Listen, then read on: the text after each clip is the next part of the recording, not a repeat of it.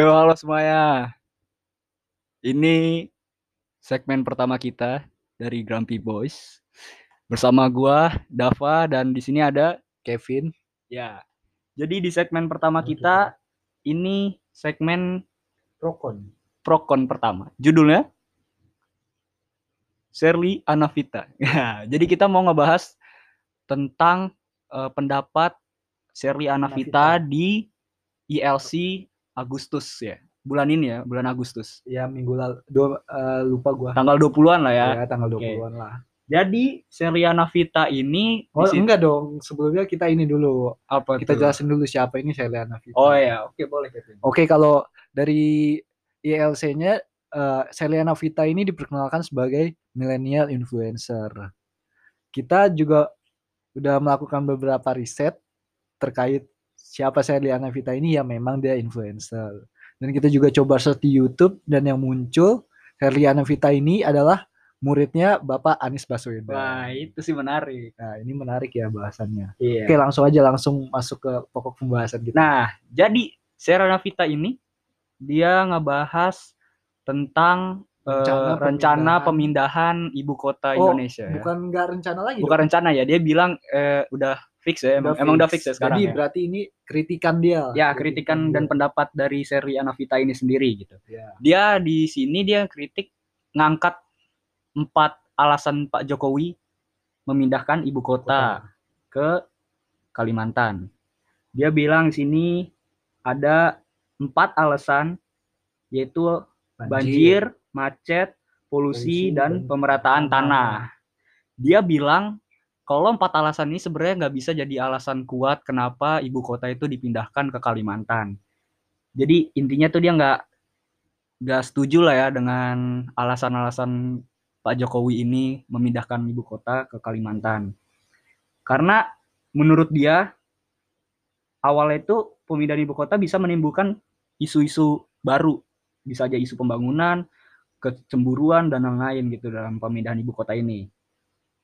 Dan menurut dia juga empat alasan Pak Jokowi memindahkan ibu kota ini itu menohok diri dia sendiri, menohok Pak, Pak Jokowi Presiden sendiri. sendiri. ya. Kayak nyerang Pak Presiden sendiri gitu loh. Karena menurut dia saat Pak Jokowi mencalonkan, mencalonkan diri di Pilgub dan Pilpres DKI yang sama- terakhir, Iya, Pilpres. dia kan Indonesia. bilang kalau rencana dia saat Pilgub dan Pilpres itu untuk Menci- membereskan lah ya, ya, membereskan Jakarta membereskan dari Jakarta lah, macet, dari banjir, polusi dan sebagainya. pemerataan tanah termasuk ya. Iya. Tapi menurut dia pas dia jadi Pilpres ini aja nggak tersampaikan, Iya, eh nggak terrealisasikan terrealisasikan. al- apa rencana itu, tapi malah dia mau memindahkan ibu kota dengan alasan-alasan ini. Iya. Dan menurut dia dengan memindahkan ini tuh nggak bakal tersam tercapai juga alasan ini gitu loh. Nggak bakal hilang juga banjir, berarti- macet, polusi gitu. Nggak akan terpecahkan lah masalah. iya, jadi kayak malah bisa nimbul isu baru menurut dia. oh, gitu. iya, iya. Dan dia juga bilang kalau eh, pemerataan tanah itu sebenarnya solusinya bisa tanpa dipindahkan ibu kotanya gitu, Pin. Dia bilang selama ibu kota di Jakarta juga bisa di pemerataan tanah. katanya. Pemerataan tanah atau pemerataan pembangunan nih maksud Ya, maksud pemerataan tanah itu itu pembangunan. oh, iya. Pemerataan tanah itu itu bangunan pembangunan. daerah-daerah. Dia Oke. menurut dia tuh gak usah dipindahin juga udah bisa gitu dengan caranya yaitu dengan di apa ya dikembangkan lagi pembangunan-pembangunan di daerah-daerah di gitu. daerah jadi Iya. didistribusikan dari Jakarta. Ya, iya, tahu gak usah dipindah-pindahin gitu.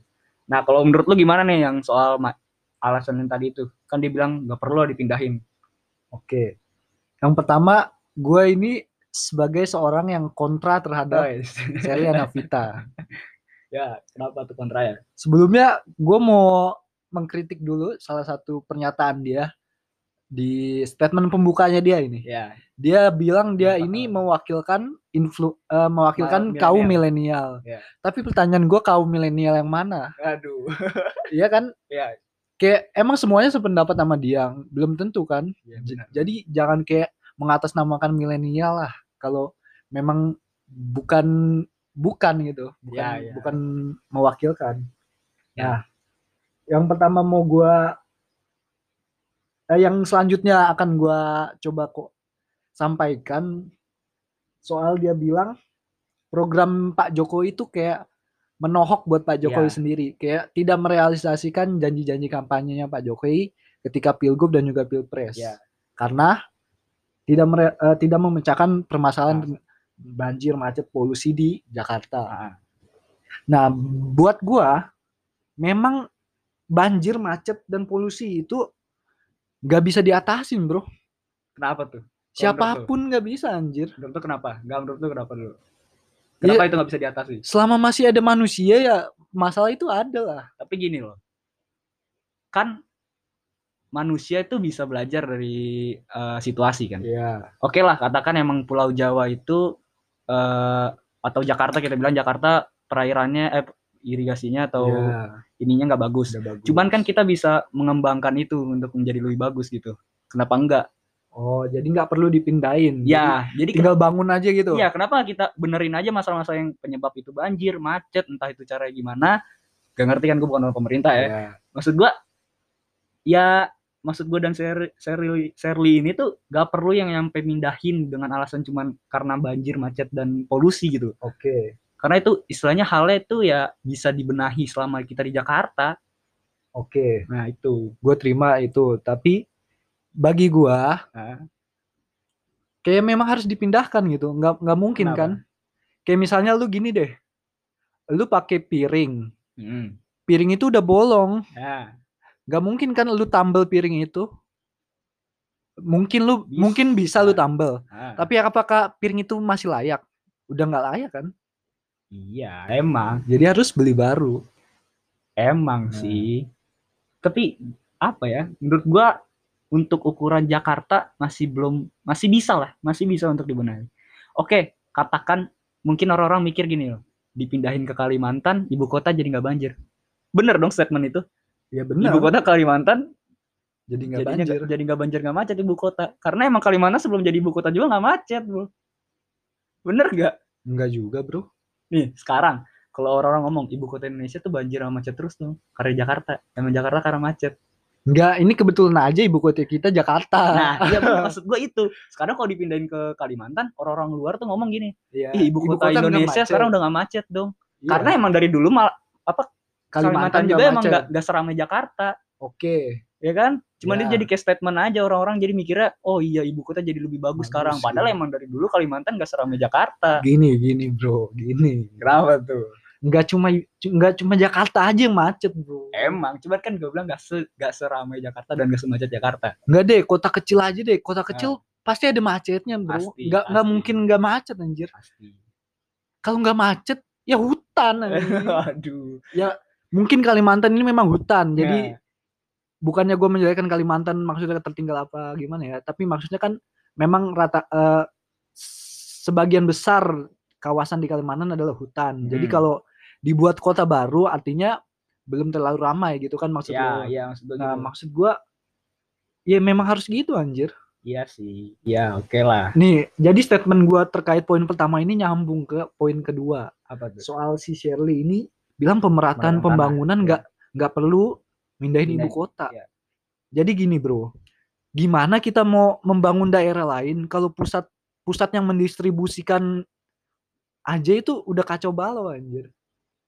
Kita Iya. mau mau distribusikan sesuatu, tapi yang pusat yang mendistribusikan sesuatunya itu tuh kacau anjir. Gimana? Anjir? gini loh. Emang ibu kota kalau di Kalimantan juga nggak kacau. Kalau menurut gua nggak sekacau itu. Nggak. Oke, oke. Cuman selagi kita di Jakarta bisa dong kita mem- sebagai pemerintah nih pemerintah pusat Ya. memfokuskan sedikit fokus apa apa eh, pandangan pemerintah ini ke Ya. daerah-daerah yang kurang istilahnya. Kita bisa bangun apa misalkan. Oke. Lah, Oke, ke- contoh nih ya, contoh dari Ya. satu program Pak Jokowi misalkan yang di Papua, Iya. dia ngebangun jalan. Ya bangun jalan tol. Oke, itu itu bisa kan? Iya. kenapa nggak kayak emang progresnya nggak cepet Ya gitu aja terus gitu. cuman kan bisa maksudnya sedikit sedikit kayak dari Papua beralih ke Sulawesi Kalimantan Kalimantan. ntar ngerembet ke yang lain kan bisa pelan pelan maksud gua gitu loh Kayaknya udah semua deh. Sumatera dibangun, ah oke Papua dibangun. Nah. Nah, Kalimantan dibangun jalan Nah. tol Samarinda Balikpapan itu Nah, oke, kalau emang itu bener, emang udah bagus. Eh, apa pemerataan tanah udah mulai meningkat di setiap daerah. Terus kenapa dimasukin ke al- alasan pemerataan ini ke pemindahan ibu kota ini kenapa jadi alasan gitu loh? Emang mau apa lagi? Buktinya selagi Jakarta itu udah cukup kan? Iya. Oke. Nah, menurut lu kenapa? Kalau gua kan pro apa pro ke Seril dong yang nolak Iya, alasan Pak Jokowi, Jokowi. pemerataan tanah itu eh alasan pemerataan tanah Iya, buat pemindahan ibu kota.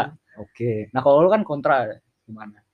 Gue menurut gua kayak tadi yang udah gue sebutin. Ah. Jadi gimana kita mau mendistribusikan Oh, ya. pembangunan Indonesia kalau Ah. pusat distribusinya tuh Ah. udah hancur. Nah, Kayak gimana ya? Harusnya ibu kota tuh kan jadi contoh kota-kota lain. ya. Kalau ibu kota kita aja udah jelek, gimana anjir? Enggak nih. Lagi pula, gue mau bahas soal historisnya deh. Oke.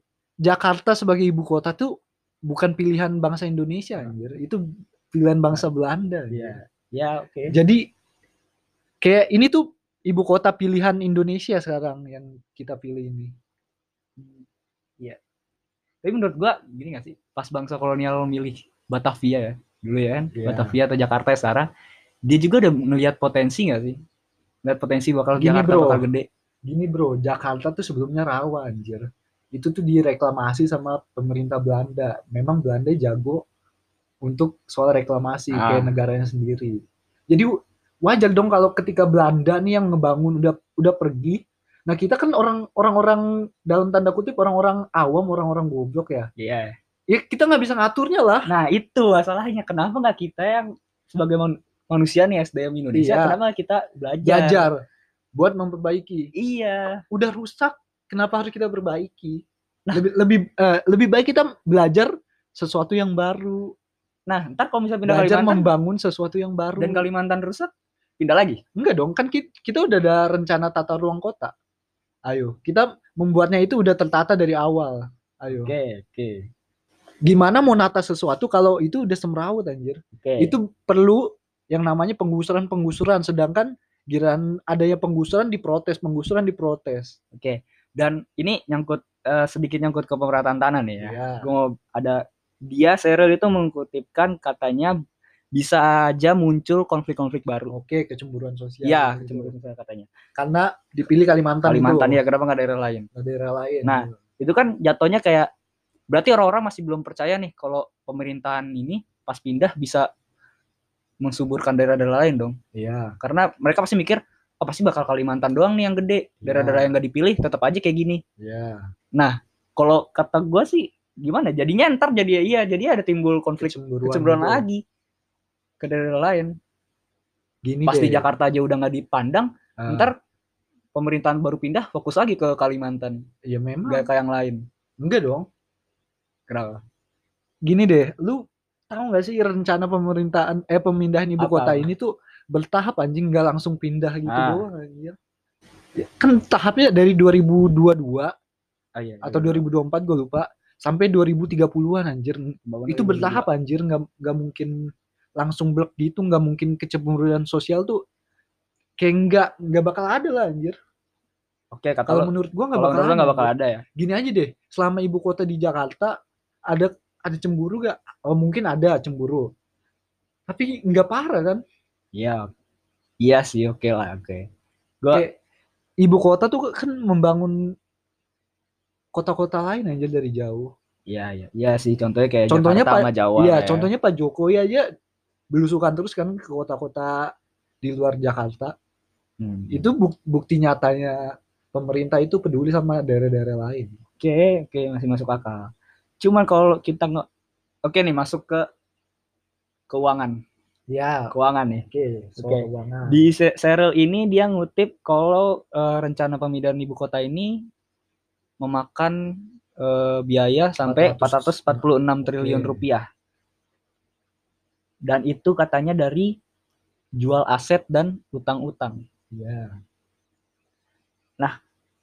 Kalau Itu menurut dia ya. menurut dia ya, dan kalau gue sih dengan biaya segede gini untuk mindahin kota yang katanya cuma empat alasan kecil itu, ya kalau kata gue juga sih kelebihan, terlalu berlebih sih.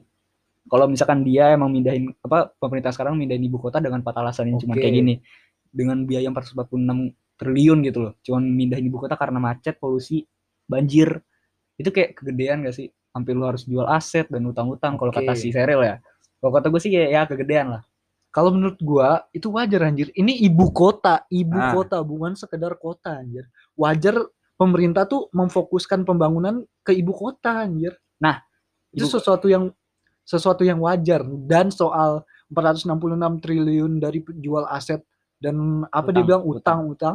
Statement Pak Jokowi aja cuma bilang cuma pakai 10% APBD anjir. oke oke. Sisanya tuh dari swasta. anjir. cuman kan ada kalau kata si Seril nih ya emang ya lu, menurut gue lu percaya serial apa percaya Jokowi nih sebagai lah kan gue kan kita ngebahas sama se- ini serial serial Onavita Iya, tapi pernyataan dia tuh kayak subjektif gitu. iya oke iya kan gue gue bilang oke Iya. dan tapi gue satu nih yang sama ah, apa sama pendapatnya sama Cheryl di sini tuh ada hal-hal yang mendesak gitu loh Oke. di Indonesia ya terutama. Jadi kayak dengan pembangunan ini tuh hal-hal yang mendesak yang kecil tapi sebenarnya mendesak jadi ter nggak nggak dipandang dulu gitu loh. Iya. jadi kayak istilahnya pemerintah sekarang fokus ke ibu kota dulu deh. Iya. sedangkan yang lain nih ada yang mendesak juga gitu sekarang. yang lain iya gitu. Dan itu yang jadi itu yang bisa jadi konflik juga sih yang bisa jadi muncul konflik-konflik baru juga. Kayak ah di daerah ini lagi ada hal yang mendesak tapi pemerintah nggak fokus nih. Fokusnya ke ibu kota doang. Jadi muncul konflik baru. Gitu loh. Terus nanti kalau misalkan emang bener ya emang bener biaya sebesar ini yang atau enggak yang 10% yang lu bilang ntar kayak lu mau ngeberesin masalah ini lagi lu harus kayak utang atau apa lagi lah. Harus ngepain lagi biayanya Iya. untuk ngebe- ngeberesin satu masalah yang ngedesak lagi. Kalau gue sih mikir kayak mendingan tuh lo mendingan ya kita sekarang yang tadi Cheryl kalau Cheryl tadi ngutip kan mendingan beresin hal-hal yang mendesak yang kecil tapi penting kan kata dia. Kayak apa? Yang tadi apa dia bilang aduh gue lupa lagi. Ya pokoknya ada banyak hal yang kecil. Ya kayak tapi mendesak gitu loh kayak mungkin pengangguran ya gitu. pengangguran lapangan pekerjaan Ya, dia bilang gitu-gitu. kan ya. Dan dengan membereskan hal-hal itu sebenarnya bisa men- apa ya ibu kota atau Indonesia itu bisa menuju ke yang lebih baik sih kalau kata gue Jakarta Iya, terutama Jakarta di Jakarta. Gitu. Kalau misalkan kayak lapangan pekerjaan di banyakin, diberesin gitu, pengangguran diberesin, kayak korupsi diberesin ah segala macam lah yang hal kecil tapi penting, yang istilah hal kecil tapi bisa membuat Jakarta atau Indonesia lebih bagi, baik lagi. Ya itu sih lebih lebih bagus sih lebih maksud gua lebih masuk akal daripada Gini cuma deh, gini deh. doang. kita tuh memindahkan ibu kota aja itu Ah. Udah memunculkan lapangan pekerjaan baru anjir. Kalau lu baca berita-beritanya ketika rencana pemindahan ibu kota ini Hmm. udah banyak tuh kayak pebisnis-pebisnis properti tuh udah beli tanah di sana mau bangun apa bangun apa. Oke. itu kan membuka lapangan pekerjaan buat terutama buat oke kalangan bawah deh kalangan bawah. Kalangan bawah jadi tukang bangunannya jadi kulinya jadi pembangun. Oke dari kalangan pen- eh, menengah deh dari Ah. kalangan menengah kayak arsiteknya insinyurnya mereka kan juga dapat job tuh di sana habis Ya. itu kalangan atasnya pebisnisnya dapat uang juga dari sana anjir kayak simbiosis mutualisme. Iya, iya benar. nggak nggak ada ruginya kita memindahin ibu kota Ya benar. mungkin 466 miliar habis tapi dampaknya setelah itu apa anjir kayak gini deh kayak kita mau mendapatkan untung kita pasti pakai ini kan pakai modal dulu kan Ya gambling lah ya Iya jatuhnya. kayak nggak gambling juga sih Maksudnya kayak lu apa ya? Lu ngabisin duit sekarang tapi nanti ada feedback lagi Iya gitu. ini ini tuh kayak investasi buat Iya, invest invest. kalau kalau kita nggak mau ngeluarin duit apa anjir Benar benar. jangan harap kita dapat duit kalau kita nggak mau ngeluarin duit Oke, benar. Gua gua setuju sama lu. Tapi yang mungkin yang saya lo maksud ini ada masalah apa? Ada hal-hal yang mendesak. Mungkin dia gini mikirnya. Kalau misalkan ibu kota dipindahkan, nah hal ini hal, hal ini nggak selesai kepikiran. Ya hal selesai nggak selesai ini jadi kayak ngurusin ibu kota, tapi ada hal lagi yang core-core nih misalkan yang yang Ah. ngedesak pemerintah itu. Jadi pemerintah jadi pikirannya tuh ke ibu kota, tapi ada hal lain juga gitu yang mendesak Ah. kalau kan kalau statement lu kan dengan ada ibu kota berarti ada kayak misalnya hal-hal yang lapangan pekerjaan nimbul Iya. jadi istilah kita katakan berarti eh, kekurangan lapangan kerja hilang gitu kan. Berarti masa-masalah kecil itu bisa hilang kan dengan ibu kota baru kan. Kalau menurut lu kan, kayak lapangan pekerja berarti kan nambah. Enggak Ber- juga, Bro. Berarti berkurang kan. Ya kan? Iya, Enggak, tadi kata lu- istilahnya berkurang Iya, berkurang kan. bukan hilang maksudnya. Iya, masalah berkurang kan. Nah, kalau Sheryl tuh nangkepnya mungkin dengan mindahin ibu kota malah nambah gitu loh konfliknya. Kayak ha- apa hal-hal yang mendesak itu jadi nggak hilang, nggak hilang tapi konsentrasi pemerintah jadi Jadi fokusnya cuma ke sono doang gitu. loh. Iya, nah hal yang kecil ini nggak diperhatiin kalau Sheryl tuh Nah, maksudnya gitu. Gini, Bro. Indonesia nih, Ah, pemerintahan sekarang nih punya 34 kementerian anjir. Dan di dalamnya tuh ada sub-sub lagi iya, divisi-divisinya. iya. Terus juga ada yang namanya eh, organisasi pemerintah kayak BNN, gitu-gitu organisasi yang nggak masuk ke kabinet tapi punya pemerintah. Iya. Gak mungkin kan mereka juga ngikut apa fokusnya ke situ doang nggak mungkin anjir. Oke, jadi gitu Sheryl. Waduh. Enggak deh kalau masalah uang minta aja Atta Halilintar. Duitnya kan banyak anjir. Iya gak? Iya, iya, Kita kita tunggu aksi Anda Mas Atta. Apakah Waduh. Anda nasionalis? Iya, apakah Anda Apa- peduli dengan Indonesia? Iya lah. Kita nantikan. Waduh, waduh.